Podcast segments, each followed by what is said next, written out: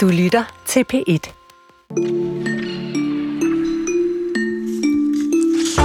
Martin Scorseses nye film Killers of the Flower Moon bygger på en øh, del af virkeligheden, der er nok så grum. I 1920'ernes Oklahoma skete der nemlig en vanvittig og meget udspekuleret række mor på de oprindelige folk fra Osage-stammen, efter der blev fundet olie på deres jord, og de blev hovedrige. Vi genbesøger Oklahoma i 20'erne for at se på sagen. I denne time kommer vi også forbi den japanske komponist Ryuichi Sakamoto og får et genhør med skuespiller Morten H. Andersen, og han er netop nu aktuel med en ny sæson af Carmen Curlers. Men vi begynder med skrald, som vi har alt, alt, alt for meget af. Du lytter til Kulturen, stadig med Chris Pedersen og Jesper Dein. Ja, for du kender jo godt, du ligger der og sover, og ja, det var dengang, det var lumre sommeraften, hvor man havde åbent vindue, og jeg har altså stadig åbent vindue. Så øh, sætter man på hasp, og så om morgenen, så lyder det sådan her.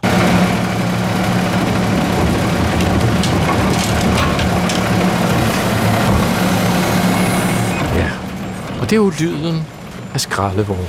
Før fanden har fået sko på, så er de ude. Og det er jo genialt, at vi på den her måde har lavet et system, og vi har folk, der arbejder med at tage alt det affald, vi producerer. Og det gør vi virkelig meget af. Øh, men det er stadigvæk ikke helt godt nok.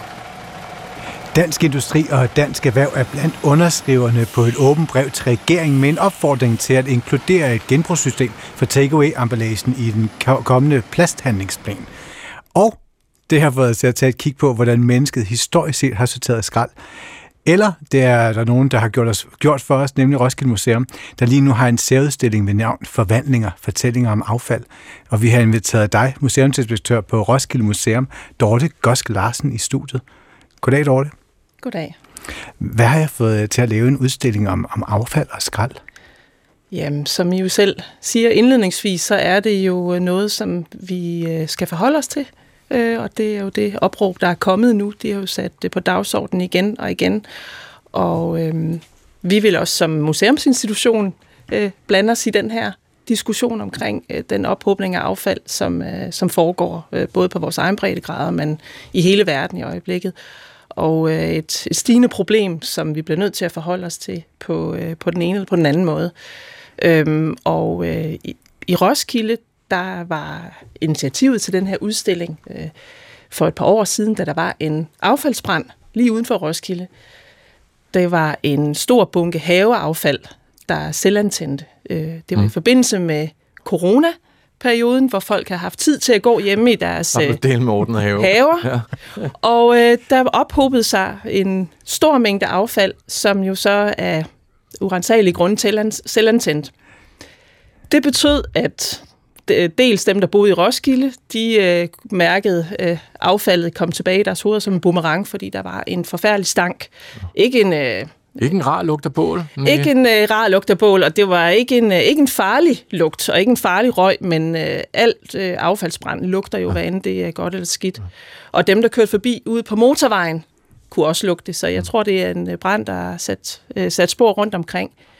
Og det gjorde, at vi fik lyst til at sætte øh, fokus på det her øh, tema, mm. historisk og aktuelt. Og det er jo også Roskilde. Nu siger du, kører forbi motorvejen. Jeg tænker på, når jeg kører forbi øh, øh, den sidste dag, når Roskilde Festival lukker, og ens unger har samlet deres ting sammen, og man krydser fingre for, at de Ikke husker. alle deres ting, Nå, men det er jo det, der, man krydser alle fingre for, at man opdager om morgenen, at de tager alting med, og så ligger der de der bunker, ikke? Der æder man også. Der kan du tale om skrald og genbrug, og ting, der kunne genbruges, ikke? Hvad, øh, når du står der, som museumsinspektør, I laver det her på et museum. Hvad er det interessante ved affaldet, vi efterlader os? Jamen, altså man kan jo sige, som museum, så er meget af vores viden stammer jo fra affald. Øhm, studiet af affald, som, som jo så er blevet museumsgenstanden, og kulturarv. Mm. Øh, og der kan man jo bare nævne Potteskår som et meget godt eksempel. Ja. Det er jo noget, der er blevet smidt ud, og som så kommer ind i en museets samling, og bliver til kulturarv og en fortælling om, om vores historie. Og det samme gælder jo også øh, det kulturlag, som øh, arkeologerne de studerer. Øh, der er Roskilde meget godt eksempel. Vi er jo bygget på affald, og arkeologerne de, de studerer jo de her jordlag med varierende tykkelse, som er dannet af affald efter menneskelig aktivitet, og de kan indeholde måltidsrester, redskaber og også keramikskår. Mm. Og på den måde så er affald også øh, kulturarv og fortæller en del om øh, både, hvem vi var og hvem vi er i dag. Hvordan definerer man affald? Ja, det er et meget stort spørgsmål, og det, det, kan, det er jo afhængigt af, hvor man står i, i den her øh, diskussion om affald. Øh, så for mig at se, så øh, som museum, så går vi jo ind i, i den her diskussion om affald ud fra et historisk perspektiv, og ser, hvordan kan vi være en stemme blandt alle mulige andre. Mm. Og nu har jeg sagt, at hos os blandt andet, der er affald jo også kulturarv. Øh, så det er jo en øh, vigtig del af vores øh, måde at formidle historien på. Det er jo, vi, vi er jo afhængige af at finde kulturlag og, og arkeologernes materialer ja. for at kunne fortælle vores historie. Og derudover, så er vi jo, så skal vi jo ikke gøre os klog på, på hele den, på andre, andre dele af affaldsproduktionen, fordi det, det er der nogle andre, der er meget mere dygtige til. Men vi kan være platform til en måde at diskutere affald mm. og sætte det i perspektiv historisk og prøve på at forholde os til det måske på en anden måde end når man står hjemme i køkkenet og sorterer affald. Og så sidder man der mandag øh, og holder møde på museet, øh, og alle rækker hånden op og siger, det er egentlig en fed idé. øh, hvad gør man så? Hvordan, hvordan laver man tematikker, til, som tiltrækker folk omkring lige præcis skrald? Det var noget, vi øh, diskuterede meget, fordi at nogen synes måske, man har hørt rigeligt om affald, og en del mennesker... Jamen, det er lidt træt af sorteringsdiskussioner. Sorteringsdiskussioner, og, Det bliver man jo. Man bliver jo lidt lam af ja. det, ikke? Og, øhm, og på den måde, så var vi meget bevidste om, at vi skulle jo prøve at gribe det an på en anden måde. Og man kan sige, øh, nu nævnte jeg den her brand før. Det første, jeg gjorde, det var at gå ud og indsamle de øh, affaldsbrændens affald, fordi det skulle selvfølgelig på museum. Okay. Og derefter, så begyndte vi jo at snakke om, hvor... Hvad du så?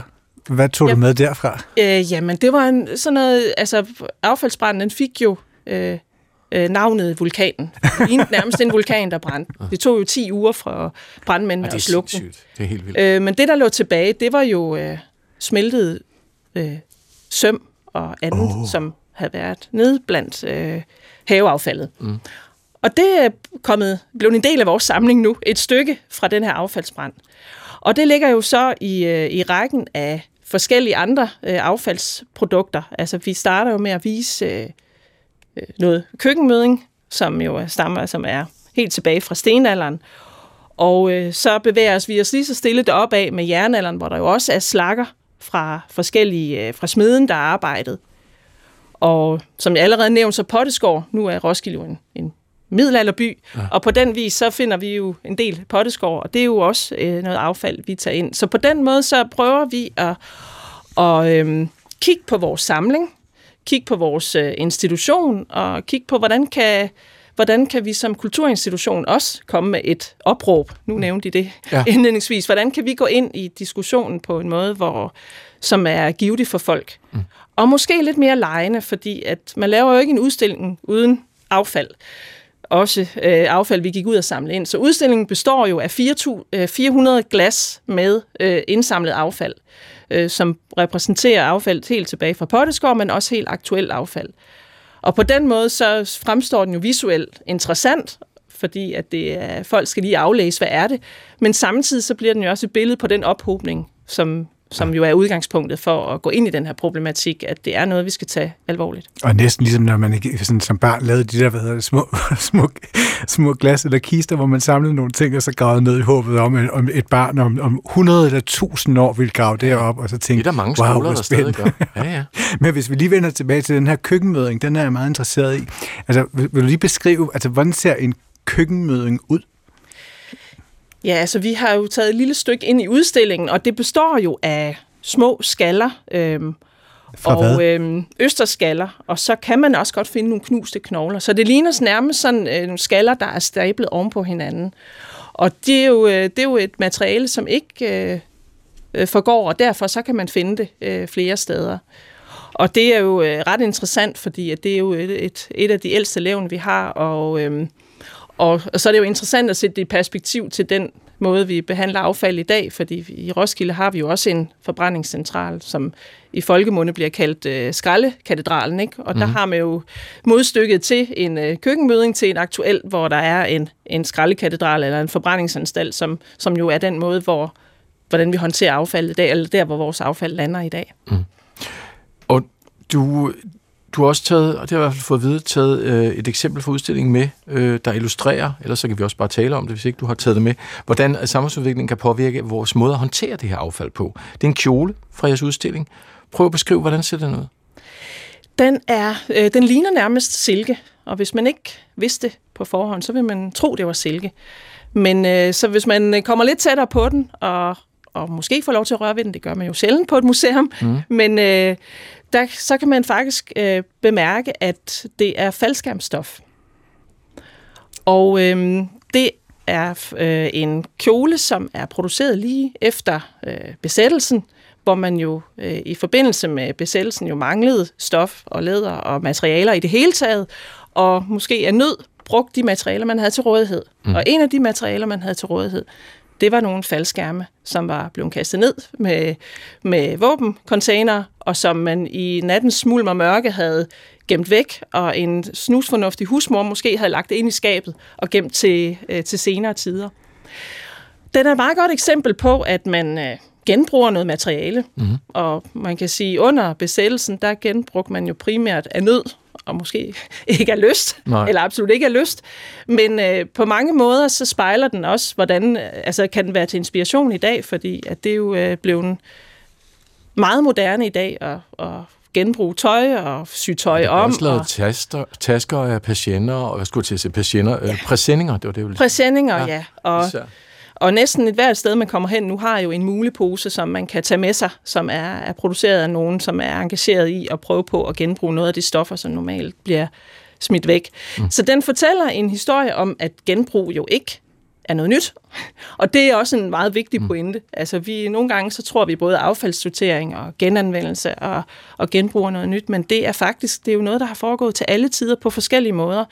Og måske var der lidt i det 20. århundrede, vi glemte det en lille smule i en periode, ja. og så er det vendt voldsomt tilbage i dag, fordi jeg tror, at de fleste mennesker, man spørger i dag, de har øh, genbrug og genanvendelse som en del af deres hverdag, og som en del af deres måde at agere på. Ja, det må sige, det er blevet meget besværligt, synes jeg. Men jeg forstår det godt, men, det, men jeg gør det. Men jeg du er meget vred over det. Jeg er skide sur over det. Jeg synes, det er irriterende. Jeg er men jeg er ikke sur. Jeg forstår jo, at ja. skal gøre det, men det er ja. godt nok besværligt. Ikke? Hvordan gør man, altså, står og tænker, I sidder på det her møde, I bliver enige om, I skal lave en skrædderudstilling, der er de her tematikker, genbrug gennem tiden, du, du, du. Hvordan kilder man sådan en udstilling, så den bliver også lidt sjov. Fordi jeg tænker, der bliver også meget, det virker også meget undervisningsagtigt, misforstår mig ikke dårligt. Ja. Det bliver sådan meget, velkommen til 6. B, nu skal I lære, hvordan det har været gennem tiden, ikke? Jamen en ting, jeg allerede har nævnt, det er især det æstetiske udtryk af udstillingen, ja. ikke? At man, man, altså, at man ser skrald, som man ikke har set det før. Man ser det ikke udstillet som kulturarv. Øhm, og øh, folk de kommer ind og, og ser på de her glas, og starter med at ikke kunne se, hvad der er i dem, og pludselig genkender de måske sig selv, fordi det er noget af det affald, de måske selv lige har smidt ud ja. på samme dag. Så det er noget med at, at, at dels at se det på en anden vis, og samtidig så har vi jo også med den her titel Forvandlinger jo sat fokus på, at affald det forvandler sig. Mm. Øh, I dag der har vi jo meget fokus på affaldsforbyggelse, men meget affald bliver jo forvandlet til ressourcer. Øh, forvandlet til, i, i forbindelse med genbrug forvandler man også ting til noget andet. Så det er den her mere Ja, plads bliver til møbler og alt det der. Ja, ja, præcis. Og det er mere den her måde at måske at gå til det lidt lejende, ikke mindst, og så også få inspiration til at handle. Vi har et uh, hjørne i udstillingen, hvor folk de kan efterlade idéer til alt fra ja, alle mulige idéer inden for det her felt og, og netop gå derfra med en mere håbefuld øh, tilgang til området, og ikke fladmas, som man nogle gange kan blive, ja, når man øh, ser de her affaldsstynger, men netop gå derfra måske med nogle nye idéer til, hvordan man som enkelt individ selv kan gøre en lille ting i sin hverdag. Mm. Og måske når man står og skal skylle den der remouladebøtte, og man tænker, det er virkelig ikke noget, jeg ønsker at gøre lige nu, så gør man det alligevel. Nej. Fordi at, øh, at det er ikke fordi, det er noget, man skal. Det er jo noget med en holdning til det, og noget med at prøve på at tappe ind i det så godt, som man kan som enkelt menneske. Godt. Tak skal du have for at besøge os i dag til en samtale om, om skrald. Dorte Gosk Larsen, museumsinspektør på Roskilde Museum, hvor der altså er en, en udstilling lige nu, der handler om affald og skrald.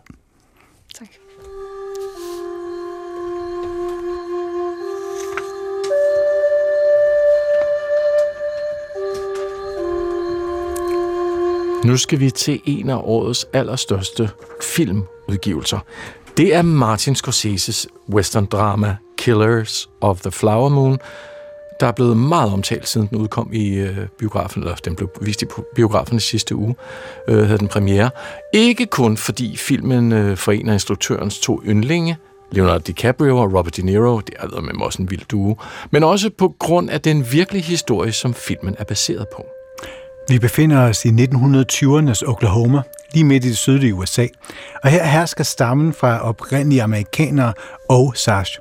Men efter der opdages olie på deres jord, bliver de en efter en myrdet under mystiske omstændigheder. Og tidligere i dag, der talte vi med Thomas Ervold Bjerre, som er lektor i amerikanske studier på SDU, om portrætteringen af indfødte amerikanere i Hollywood, og ikke mindst om, hvem Osage-folket egentlig var og er. Det var jo et af mange øh, indianske folk øh, i USA. Øh, og de øh, boede oprindeligt i det område, der i dag er Kansas, som alle, stort set alle andre øh, indianske folk, så blev de med tiden øh, tvangsflyttet, øh, da ekspansionen vestpå startede, og øh, hvide amerikanere ligesom skulle, øh, skulle have land. Jamen så på trods af aftaler, som øh, skiftende amerikanske regeringer havde lavet med forskellige stammer, så blev, øh, så blev de her aftaler altså ikke øh, overholdt, og man øh, begyndte så at forflytte og øh, tit tvangsforflytte stammer. Så de blev altså flyttet fra Kansas, og så øh, fandt man et sted, hvor man mente, øh, at jorden, landet ikke rigtig havde nogen værdi. Sådan et, et meget øh, stenet, klippefyldt område i øh, det, der dengang hed Indian Territory, men som i dag er øh, Øh, Oklahoma, og, og på det, øh, eller i dag, øh, de, de blev placeret i det nordøstlige Oklahoma. Så kunne de være der øh, og prøve at se, om de kunne øh, ja, få noget ud af landet. Det var sådan helt... Øh, jamen sådan en brutal med politik, man kørte fra, fra regeringens side. Øhm, og, og ja, så de slog sig ned. Øhm, det, der så gør det for altså Osage-folkets historie øh, lidt anderledes end stort set alle andre øh, indianske stammers øh, historie, det er, at de faktisk køber deres, altså de havde så det her reservat, de køber øh, landet af regeringen. Og det kan man sige er, er heldigt, fordi i 1894, så bliver der fundet olie på, eller under jorden her, ikke, på reservatet, og, og masser af olie. Og øh, fordi de havde øh, købt deres egen jord, så var det altså Osage-folket, som havde øh, ret til de her øh, mineral, mineralrettigheder. Og det betød, at jamen, pludselig så væltede det ind med penge til, til Osage-folket. Og dem, der kom udefra og gerne ville øh, prøve at bore efter olie, jamen, de skulle øh, betale øh, Osage-folket for lejekontrakter og for, for at udvinde olien. De skulle betale øh, procenter på, på overskuddet. Så der bliver skabt det her lille samfund oppe i det forblæste nordlige USA øh, i 1920'erne, som mål per indbygger, øh, der, er det, der er det altså de rigeste i, i hele USA. Og vi taler 1920'erne, ikke, hvor hvor der for alvor er et boom i gang inden, inden børskrakket. Øh, og i, i 1923 alene, der tjente Osage-stammen 30 millioner dollars i, i royalties. Det svarer til omkring 540 millioner dollars i dag, fordelt på en, hvad, 6-7.000 mennesker. Øh, og det betød, at man ser øh, palæer springe op øh, på det her øh, reservat i, i løbet af 1920'erne. Øh, mange privatchauffører i deres store biler. Nogen havde endda hvide chauffører. Så det er, det er sådan et, øh, et, et lille øh, øjeblik i amerikansk historie, hvor, hvor alting sådan set er vendt på hovedet i forhold til officiel øh, politik og, og hele sådan den, skal man sige, den konsensus, der er i det amerikanske samfund omkring øh, racehierarki øh, og skal man sige, hvad USA egentlig vil sige. Ikke? Og så der er jo, der er jo rigtig mange øh, skal man sige, hvide amerikanere, der, der øh, føler sig provokeret af den her velstand. Øh, fordi det, det er ikke naturligt, hvis man ligesom skal blive i, i det tankesæt, der, der herskede dengang. Øhm, og så uden at måske spoil for meget, det, det der så jo har, har ført til den her film, øh, er så, at i, i løbet af 20'erne, jamen, der begynder der øh, en sådan række mystiske dødsfald begynder at, at ramme Osage-folket. Mindst 60 mennesker øh, dør under sådan mærkelige omstændigheder, eller, eller forsvinder simpelthen.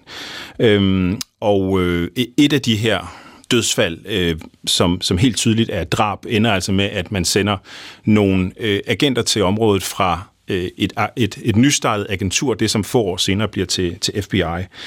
Øhm, og de øh, afdækker altså et øh, hårdrejsende øh, plot, hvor... Øh, hvor mennesker, øh, hvide øh, amerikanere, spekulerer i at gifte sig ind i øh, Osage-stammen, øh, for derefter og nogle gange går der flere år, øh, simpelthen at myrde deres øh, koner, øh, og så kan man så arve alle de her millioner. Og det var simpelthen øh, orkestreret øh, og sat i system, finder, finder de her øh, agenter ud af øh, hen over årene. Og det er ligesom det, der er, der er omdrejningspunktet i den historiske bog, der blev skrevet for nogle år siden, øh, som deler titel med Martin Scorseses nye film, øh, og en periode, som Osage-folket jo øh, stadigvæk i dag øh, kigger tilbage på med, med, med redsel. Øh, man kan sige, Osage-folket, som så mange andre indianske folk, har en, en øh, blodig øh, historie. Men det her er så lige sådan et, et ekstra øh, element i 1920'erne. You made a good choice coming back here. Osage are the finest, wealthiest, and most beautiful people on God's earth. They outsmarted everybody. They have the say. Who gets the oil? Son, I got a question. You like women? That's my weakness. Killers of the Flower Moon, den handler om de her mor, der blev begået på de her Osage-indianer i 20'erne. Men hvorfor er det her kapitel af amerikansk historie, det er blevet sådan overset eller vel nærmest ignoreret? Ja, man kan sige, at det, det er jo blevet beskrevet, øh, men, men det er klart, at øh, amerikansk historie er jo et, et, et stort felt, og øh, tilbage i 20'erne og 30'erne og 40'erne, den måde, man bedrev historie på, hvis man var historiker, det var det, som vi herhjemme kalder konger og krige. Ikke? Altså man, man beskæftigede sig med store mænd og deres bedrifter, så i USA, der var det jo typisk øh, præsidenter og generaler. Øhm, så det var sådan en elitær til, tilgang til øh, historieskrivning. Øhm, og den smitter jo af på, på samfundet generelt. Det er først i 1960'erne og 70'erne, at, at historikere ligesom... Øh, der sker meget i 60'erne, ikke? der er meget, masser af opbrud og, og, og ligesom gå imod strømmen. Og der begynder man så at, at bedrive en anden form for historie, hvor man, hvor man ligesom går nedefra og op øh, og prøver at kigge på helt almindelige øh, amerikanere. Og man begynder at kigge på minoriteters rolle, øh, heriblandt øh, amerikanske indianere. Øhm, og det, det fører jo så til i hvert fald nogle akademiske øh, studier og undersøgelser, men, øh, men det når ikke rigtig ud i den brede offentlighed. Og det hænger jo sammen med, øh, ja, nu er det Scorsese's film, vi, vi blandt andet snakker om, ikke? og at, at Hollywood jo øh, også har været måske den mest øh, effektive historieformidler i det 20. århundrede. Øhm, og de historier og den måde, øh, Hollywood typisk har formidlet på, har jo været øh, den traditionelle, ligesom ja, konsensusdrevne måde at forstå USA på. Ikke? Mm. Så sådan et, et, en fortælling om, øh, altså som, som jo ja, det ligger sådan mellem linjerne, men det er jo selvfølgelig sådan en, en, en fortælling skabt af hvide øh, amerikanere, ikke? Om øh, fremdrift, øh, opdrift, den her progressive fortælling, ikke? Hvor så, så, så at der så lige pludselig kommer sådan en, en, en, øh, en forfærdelig øh, sag som, som de her Osage-mor, øh, det, det passer jo ikke ind, eller i hele taget også før det, ikke? Altså, at det, man har et, øh, et folk, der, øh, der lever i velstand og sus og dus, som, øh, det, det passer ikke ind i, øh, i, i det her traditionelle billede af, hvordan det amerikanske samfund skal man sige, bør hænge sammen. Øh, sådan som man, man blev undervist i skolen og, og, og alt sådan noget, ikke? Hvor, der, hvor der blandt andet jo er det her øh, racehierarki, som, som stort set går usagt øh, indtil ja, det gør det jo ikke af minoriteterne, men, men i hvert fald af mange hvide amerikanere, der tager man det helt for givet. Killers of the Flower Moon roses jo øh, af en del for at inkludere Native Americans i rollerne, som de kalder det derovre. Altså øh, roller spillet af for eksempel Lily Gladstone, som er selv fra Blackfoot-stammen, og nuværende Osage-personer, som også har medvirket som konsulenter på filmen. Øh, men sådan har det jo, som du også lige har været inde på, sådan har det jo bestemt ikke altid været. Øh, hvis vi husker de gamle, øh, ja, øh, vaskeægte Hollywood John Ford western-klassikere, lad os lige få genopfrisket dengang, dengang i 30'erne. Hvordan øh, var fremstillingen dengang? Jamen, der kan man sige, Hollywood øh, byggede jo bare videre, øh, eller byggede deres verdensbillede på den måde, som samfundet nu så på, i det her tilfælde indianer på. Så i westernfilmene, øh, blandt andet John Fords øh, øh, mange første westernfilm, ikke? Øh, der, der er øh, indianerne jo øh, fjenden. Det er dem, der angriber uprovokeret. Øh, de prøver at forhindre det der, øh, altså civilisationens øh, fremdrift øh, vestpå. Ikke? Så det er jo tit øh, nybyggere, der bliver angrebet. Øh, og det sker uprovokeret, og tit bliver de så fremstillet som enten sådan en øh, anonym masse, der på en eller anden måde går i et med landskabet. Øh, de film, hvor der er en specifik øh, skurk, som er indianer. Øh, typisk er det jo så en høvding, ikke? Øh, og, og, og tit er det sådan en, en af de der frygtede Geronimo eller så videre. Der bliver, der bliver de så spillet ofte af hvide amerikanere, som så er malet lidt mørkere i huden. Ikke? Så det var sådan en helt øh, standard måde at gøre det på. Øh, for man kan ikke drømme om at give en stor rolle til, til en indianer. Øhm, så det er sådan en, en, en fortsættelse af den her blackface-tradition, som, som Hollywood jo har, ja, som, som simpelthen var en, en fast del af den måde at lave film på og, og tænke film på.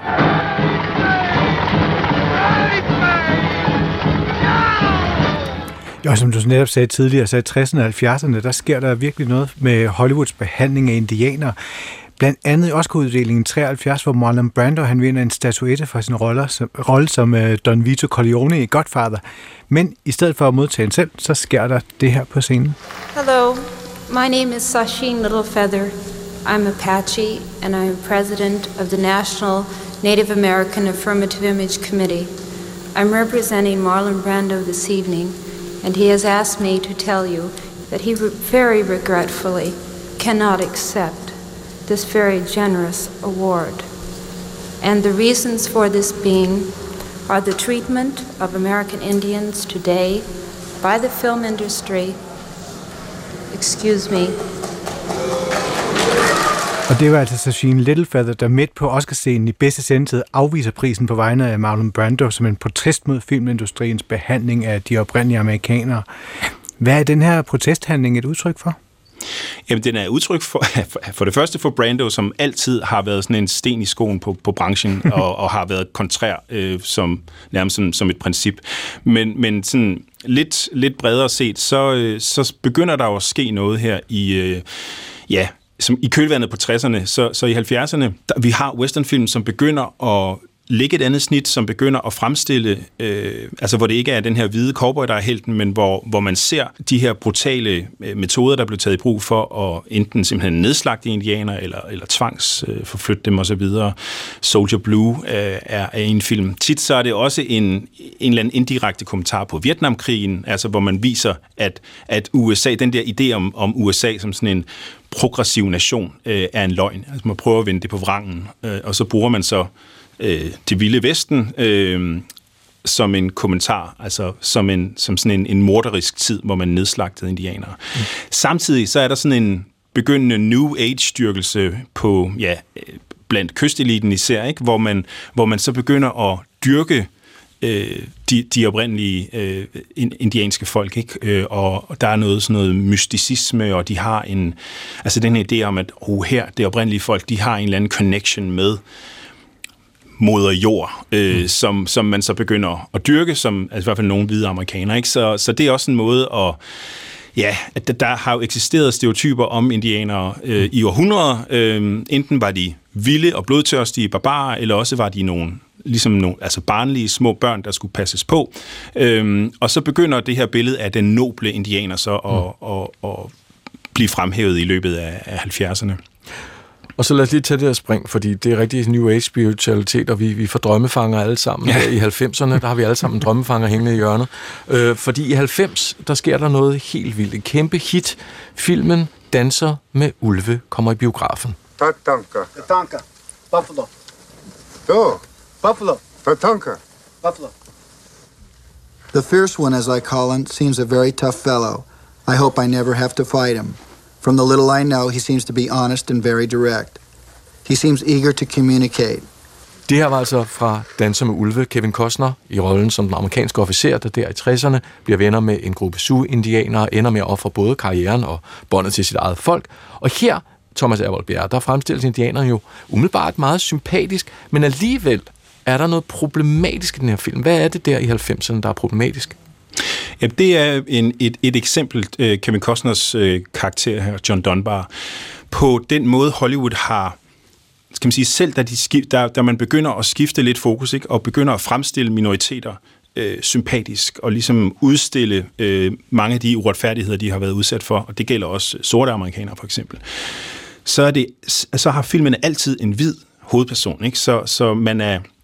Altså i hele Hollywoods øh, eksistens øh, op til i hvert fald 90'erne her, ikke, der, der, der er man som publikum blevet skolet i, at man ser langt de fleste film, der, der, der bliver man talt til, som om man var en hvid mand. Øh, det er ligesom udgangspunktet.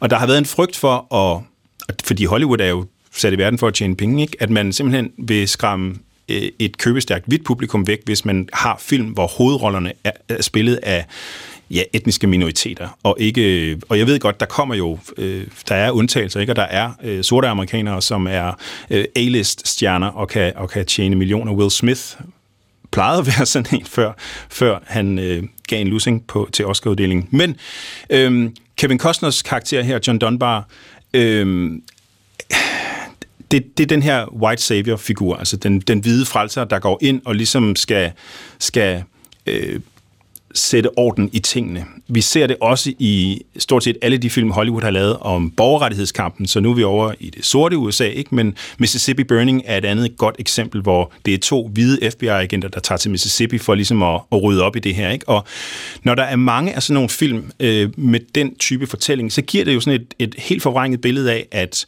borgerrettighedskampen og kampen, som, som de forskellige indianske folk har kæmpet for at opnå selvstændighed og identitet osv., jamen, når alle film viser, at det er nogle hvide øh, mennesker, der ligesom kommer og fikser problemerne, så bliver de ligesom øh, biroller i deres egen kamp, som historisk set jo har været deres, og en, de har kæmpet med, med livet som indsats. Så det skaber sådan et forvrænget billede, ikke? Og, og, og giver så øh, et, et, et hvidt publikum en, sådan en, en god, varm fornemmelse i maven ikke? af, jamen vi er da ikke racister. Og hvis vi så vender op til, til, til filmen nu, Killers ja. of the Flower Moon, så er det jo ret interessant at kigge på det med, altså hvad er det for en indflydelse filmen den kan have nu? Fordi for et par dage siden, der gjorde den amerikanske skuespillerinde Davy Jacobs sin mening til kende om Killers of the Flower Moon på X, og hun er selv Mohawk-indianer og øh, har en anden stemme end den, som filmen portrætterer, mm. men hun kritiserede den her film for at fremstille de indfødte som hjælpeløse ofre. Ja. Altså, hvad siger hendes kritik om det minefelt, som Scorsese og Co. Er, altså, har bevæget sig ud i? At det er et minefelt, og at, at det er... Øh, og nu vil jeg sige, hun er faktisk kanadier, øh, David Jacobs, ikke? Men, men en del af Mohawk-stammen. Så man kan sige, kan hun, kan hun tale på vegne af Osage-folket? Nej, det, det kan hun ikke. Øh, men hun kan i hvert fald tale på vegne af en minoritet, som i, i århundreder er blevet set øh, som ja, racistiske stereotyper, ikke som mennesker, og som har jo ofte er blevet pålagt sådan en offerrolle og en offerfortælling. Og det er der jo øh, forskellige tidspunkter i historien mange, der har gjort, prøvet, altså mange øh, indianere, der har prøvet at gøre op imod, ikke? Og, og, og netop vise, jamen vi, vi er vi, vi er fighters, vi er ikke ofre, vi, vi vil ikke påtage os den rolle.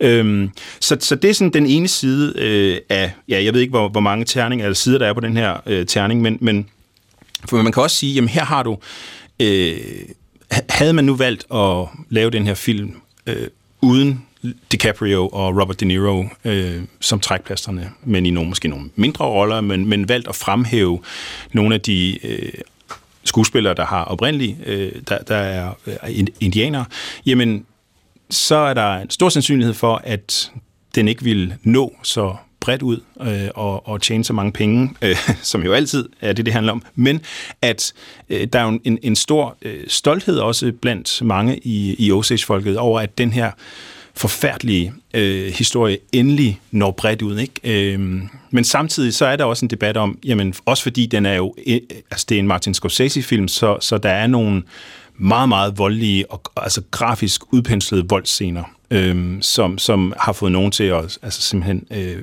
sige, at, at det må være nok. Altså, at, at det nærmest er sådan en svælgen i det. Ikke? Øh, og det er jo også noget af det, som...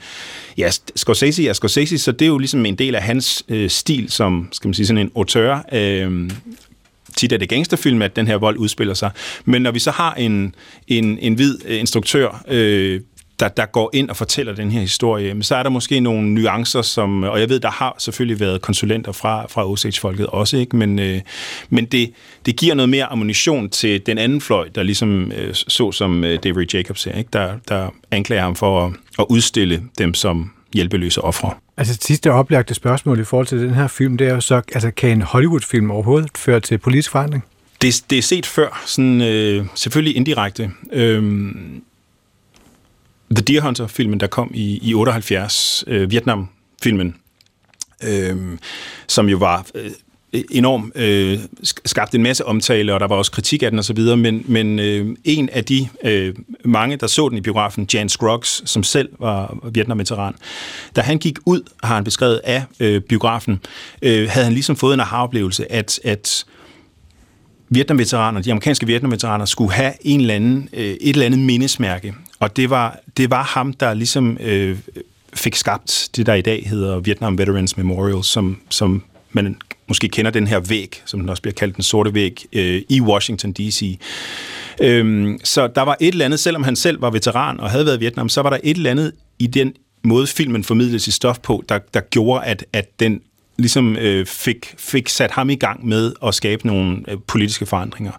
Et lidt nyere eksempel, Oliver Stones øh, kontroversielle, men også meget omtalte film JFK fra 91, tror jeg, øh, var faktisk med til, at øh, fordi den skabte så meget opmærksomhed, og den svælgede jo i alle mulige konspirationsteorier, at den amerikanske kongres gik ind og øh, øh, altså simpelthen øh, skabte sådan en øh, JFK Records Act, der forsøgte at samle al, al, alle de forskellige øh, undersøgelser og oplysninger, der havde været tidligere. Ikke? Så, så øh, det var altså opmærksomhed, øh, som en Hollywood-film skabte, ikke? som, som øh, ja, vel direkte førte til nogle øh, politiske beslutninger. Og det sagde altså Thomas Ervold Bjerre, som er lektor i amerikanske studier på SDU, da vi talte med ham. Og Killers of the Flower Moon, den kan netop nu ses i de danske biografer.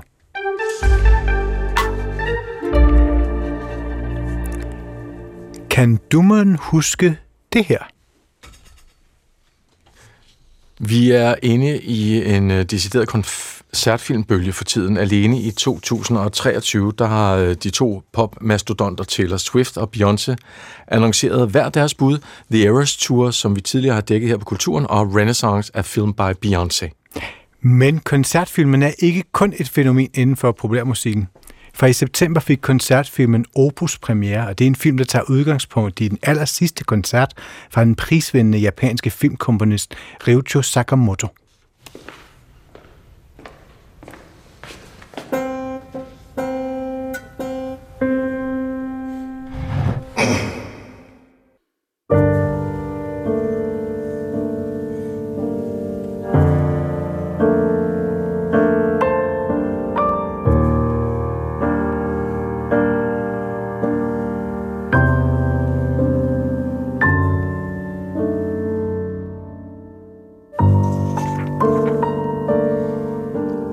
Her hørte vi lidt fra Opus, som vi er rigtig mange, der glæder os til, og der er måske nogen, der tænker, ah, Ryuichi Sakamoto, kender jeg ham?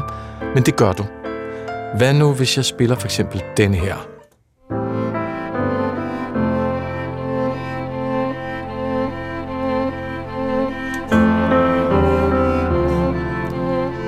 Så tænker du måske på filmen Babel med Kate Blanchett og Brad Pitt, hvor den var en del af soundtracket. Måske tænker du på en meget flot SAS-reklame, der blev lavet for år tilbage. Sakamoto står også bag musikken til den Oscar-vindende The Revenant med Leonardo DiCaprio i hovedrollen, og så har han altså vundet et hav af priser gennem sin levetid for sin filmmusik, blandt andet to Golden Globes, Grammy og BAFTA. I 2021 der blev Sakamoto desværre svært syg med kraft og var for svag til at spille en hel koncert, men havde et brændende ønske om at efterlade sådan lige det der sidste fine aftryk. Og det er blevet til koncertfilmen Opus, og den er instrueret af Sakamotos egen søn, Neo Soda. Filmen den fik premiere på Venedigs Filmfestival her i september, og det var fem måneder efter hans død i marts her i år.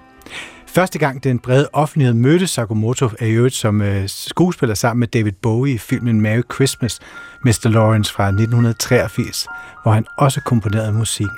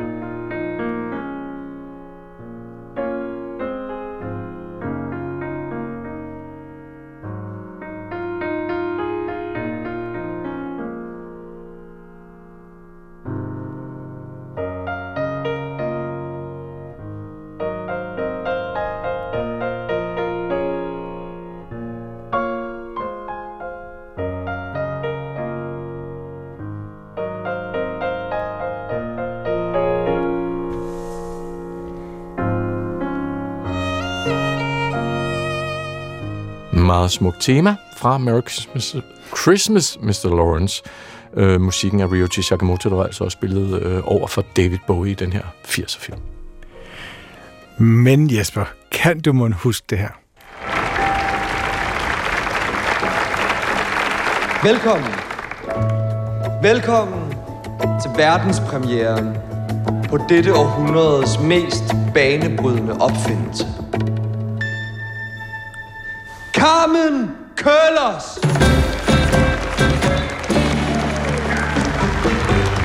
Når kvinder kommer ind hos en damefrisør, Ja, det kan jeg så godt vil de... Ja, Carmen Curlers. Lige nu kører sæson 2 af det er store dramaserie for fuld gardiner. Og det er med Morten H. Andersen i rollen som iværksætter Arne Bybjerg, der får skabt det her danske industrieventyr. Og Morten H. Andersen, han er på relativt få år gået fra at være en birolleskuespiller ud af mange, til at have de bærende roller på tv, i film og på teateret. Med Carmen Køllers er den danske skuespiller blevet en værmandsejer, og vi har spurgt ham, hvordan han egentlig kom i lag med rollen som Arne Bybjerg. Øhm, øh, først så tænker jeg, øh, en, en, en DR-serie mere, tænker jeg. Fordi jeg havde lavet... Øh, Altså noget om Carmen Køllers. Nej, men jeg havde lavet øh, Herrens Veje, og Fred ja. til Lands, og så var jeg sådan, nå, okay, helt klart. Øh, men så, så øh, fik jeg castingen tilsendt, og så googlede jeg Carmen Køller, så, så så jeg, at jeg ligner øh, Arne Bybjerg, som er den rigtige øh, Og som var i live, mens I lavede filmen. Ja, faktisk. lige præcis. Ja. Desværre er han øh, gået bort nu, ja. men, øh, øh, men han er en fantastisk inspirerende person. Men, han- men vi ser en lille smule ens ud, og det gjorde sådan, nå, det kunne da godt være, at jeg kunne spille ham i den her øh, biopic, tænkte jeg.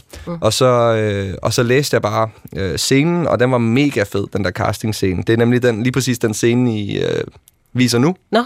Øh, eller lige har spillet. Ja. Castingscenen, det var en tidligere version, hvor han ligesom øver sig derhjemme. Øh, og det var mega sjovt. Så jeg fik lov at lave alle mulige bud på den, øh, og sende det ind og sådan noget. Øh, det var under corona, så det var self-tape-tid, hvor man Ja, ja, optager det hjemme i stuen og sådan noget.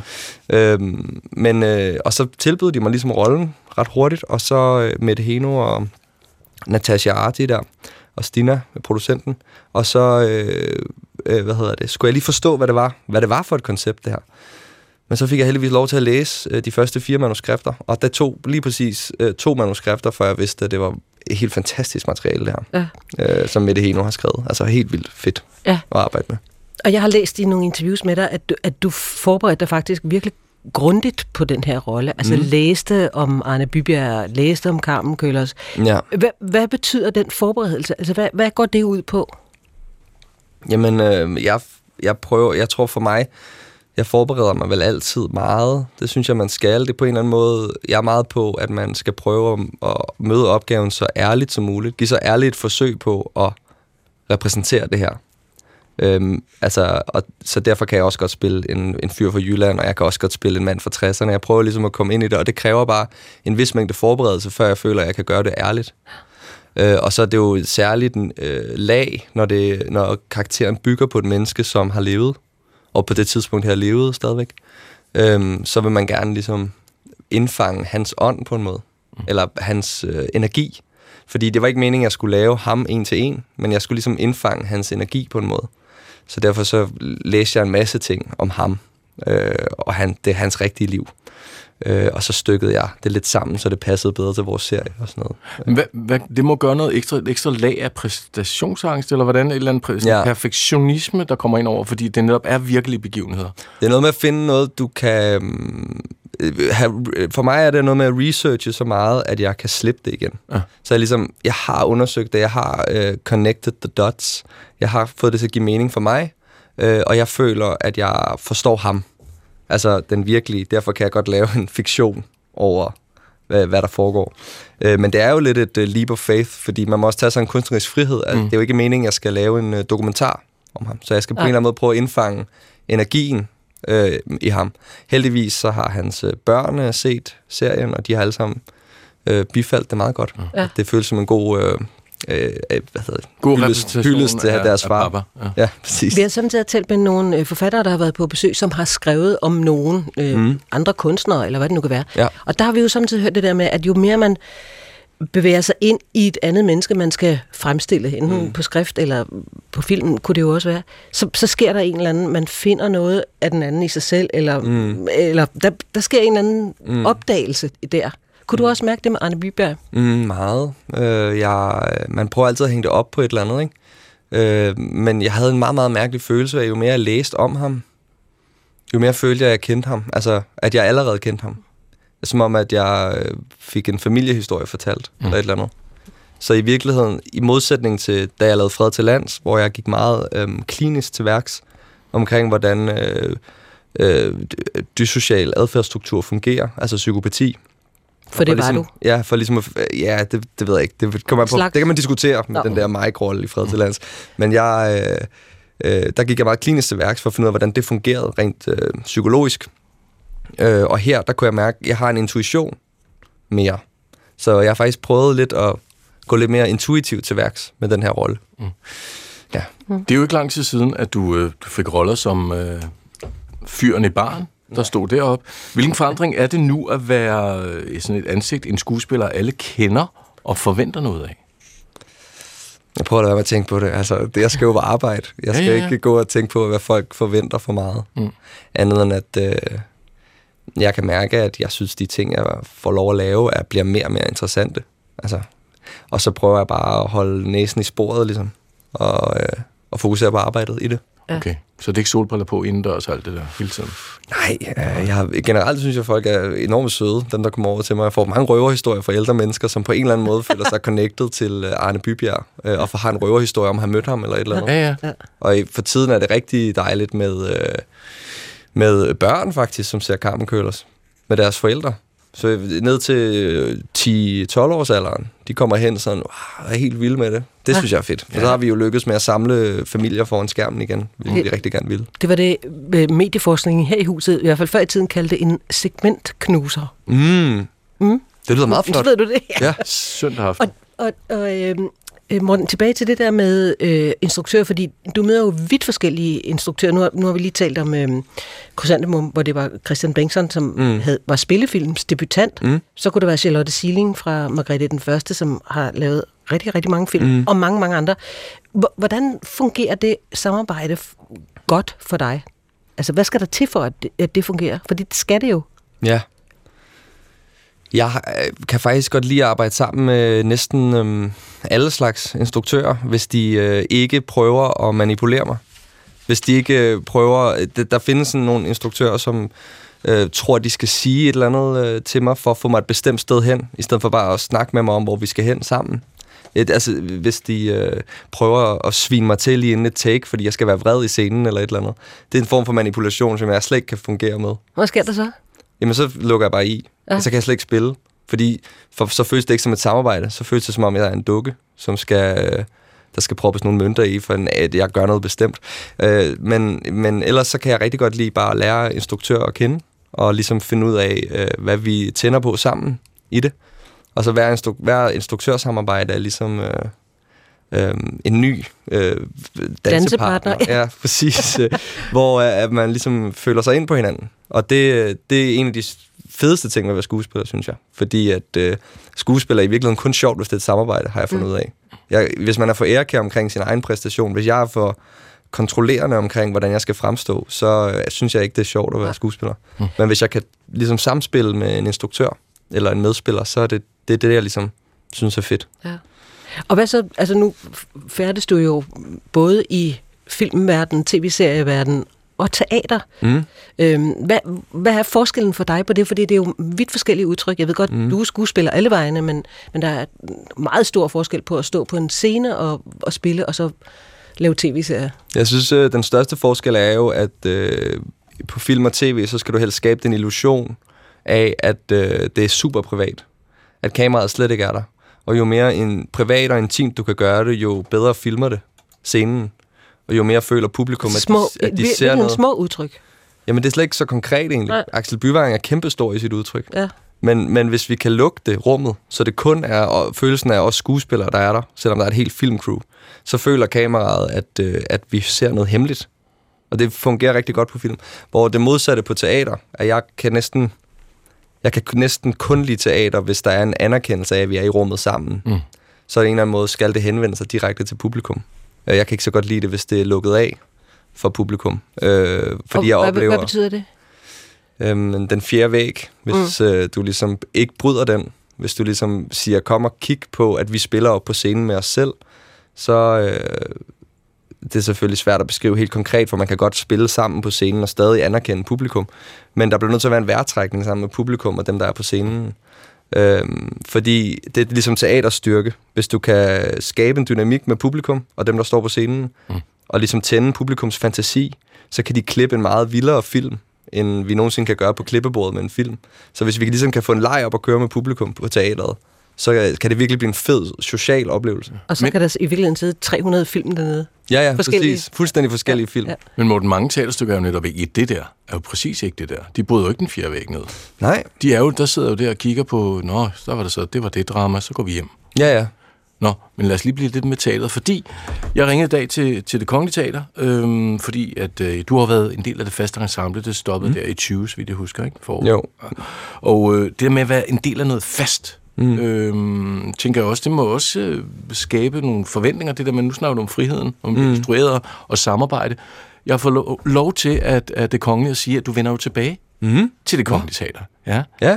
Det ja. vidste du forhåbentlig godt. Det vidste jeg godt. Jeg vidste ikke, at du måtte sige det. det er, nej, jeg har fået lov. Okay.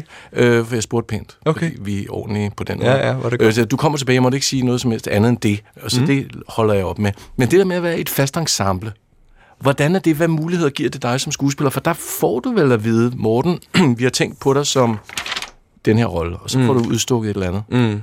Eller hvad? Jo. Øhm, jamen det bedste ved at være i det var jo i virkeligheden, øh, en, en, at du møder ind det samme sted, og kan bare kun, du behøver kun at fokusere på øh, håndværket og kunsten. Det er ligesom en stor fordel. Og perfektionere det. Ja, ja. Og så ikke bekymre dig om, hvad er mit næste job, og hvordan skal jeg få det til at hænge sammen med øh, min mors 60-års fødselsdag, jeg skal filme i Prag der, eller du ved. Mm. Øh, det er jo sådan. Men, men i, virkeligheden, så jeg nåede kun rigtigt at være der inden et år samlet, fordi jeg, blev nød, jeg havde, der skete mange andre ting samtidig. Og øh, lige da jeg blev færdig på teaterskolen, var jeg ligesom fastansat på teateret, men så kom herrens veje ind for højre og tilbød mig et år her mm. på DR. Så jeg var jo nærmest, havde jo nærmest overlov hele den første halvdel af min kontrakt ja. derinde, øh, som jeg er super taknemmelig for, at jeg fik lov til. Øh, men jeg synes, det bedste ved det, det var ligesom det der for mig, at møde ind det samme sted. Mm. Fordi så kan, jeg, så kan min krop slappe af. Jeg synes ikke, det er så sjovt, det der med at flyve rundt til hotelværelser og sådan noget. Ja. Jeg synes faktisk slet ikke, det er fedt. så for mig er det bedste, det er ligesom at have faste kollegaer, hvor man kan gøre hinanden bedre over tid. Det er ligesom det ja. med et ensemble. Når man går på, på skuespillerskolen, som du også har gået på, hvad, hvad, hvad er drømmen? Hvad er drømmerollen? Hvad er det telefonopkald, du allerhelst vil have? Det er jo sådan en kæmpe kliché, fordi jeg, jeg ville jo bare gerne spille Hamlet, da jeg gik på, øh, på øh, Statens Teaterskole. Det var ligesom den helt store drøm. Men det er vel okay? Ja, ja, men det er jo også bare en kliché, ikke? Altså, det er ligesom... Ja. Sige, du cykelrytter vil vinde Tour de France, ja. Nej, Jesper Dein vil også gerne have en kavlingpris. Ja. Det er da okay. det ja, ja, præcis. Nej, men øh, ja, og så var det faktisk, øh, jeg havde min helt store drøm, mens jeg kiggede på teaterskolen, det var faktisk at arbejde på det kongelige teater. Så øh, det var jo meget, det var egentlig det, jeg drømte om. Jeg vidste ikke rigtig noget om film og tv, fordi mm. jeg kommer jo fra øh, Nyborg på Fyn, og øh, der du var er et rigtigt musicalbarn. Lige præcis. Ja. Der var rigtig mange uh, musicals i Nyborg, mm. og det var ligesom det, man kunne slå folderne i, hvis man ville være skuespiller. Så jeg har lavet øh, min, jeg har lavet min andel af musicals der på amatørscenerne rundt omkring. Og sådan sagde altså Morten H. Andersen her i programmet for et par måneder siden. Og hvis ikke du kan få nok af ham her, Morten H. Andersen i Carmen Kørlers, så er det lige nu mulighed for at se ham på det kongelige teater. Og nej, det er ikke i rollen som Hamlet, men i rollen som Don Juan.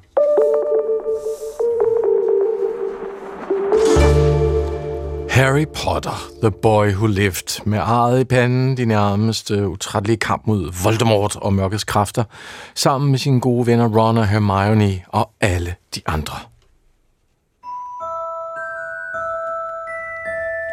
Det er det, det skal handle om nu. Og du kender musikken, hvis du er Harry Potter-fan. Hvis ikke du er, så fortæller jeg dig, at det er musikken fra Harry Potter. Men øh, alle de her navne, dem kender vi jo godt. Men et mere ukendt navn, der udspringer af Harry Potter, det er David Holmes. Han er ikke en fiktiv karakter for det her magiske univers. Han er stuntman og medvirker i den syvende af filmene Harry Potter og Dødsregalierne fra 2010. Og der er en dokumentarfilm på vej om hans liv, skriver Deadline, som er sådan en amerikansk kulturmedie. Men hvorfor? Hvorfor en dokumentar om Harry Potters mangeårige stunt double? Det er et rigtig godt spørgsmål, men øh, under optagelsen til Dødsregalierne del 1, der kom han, altså David Holmes, ud for en ulykke, der gav ham en øh, invaliderende rygmavsskade, og det gjorde ham lam fra taljen og ned. Her fortæller David Holmes selv til et interview med ITV. What happened? I was rehearsing a Harry Voldemort sequence for um, the Deathly Hallows, and um, it was just a rehearsal that went wrong, and unfortunately I had my, my injury. Så kort kan det siges. Prøven til filmen gik galt, og sådan fik jeg min skade. Mere præcis, der faldt Holmes på ned på jorden under et sæt, hvor der var en eksplosion, som altså var planlagt, men hvor David Holmes kom så slemt til skade, at han i dag sidder i kørestol. Og det er der så kommet en dokumentarfilm ud af, og den handler efter sine om hele historien om David Holmes opvækst og liv som springgymnast, og hans arbejde som stunt double, og så den her tætte relation til Daniel Radcliffe, som var ham, der spillede Harry Potter. Men okay. mest af alt den livsomvæltende ulykke. Ja. Det kommer til at bestå af private optagelser og interviewsekvenser med både David Holmes, Daniel Radcliffe og andre personer fra det her hold. Og dokumentaren har titlen Daniel Holmes, The Boy Who Lived, og bliver instrueret af Dan Hartley, der jo også har assisteret på sættet til Harry Potter-filmen. Det er HBO og Sky, der står bag dokumentaren, og øh, den har amerikansk premiere næste øh, måned, men ikke offentliggjort nu om filmen for dansk premiere. Det er Sammenligning, der skriver det. Ja, og således triller vi lige så stille ind i afslutningen på onsdagens kultur. Og det var med producer Thomas Holby Hansen bag rådet og Jesper Dein og Chris Pedersen her i studiet. Ha' det godt derude. Gå på opdagelse i alle DR's podcast og radioprogrammer. I appen DR Lyd.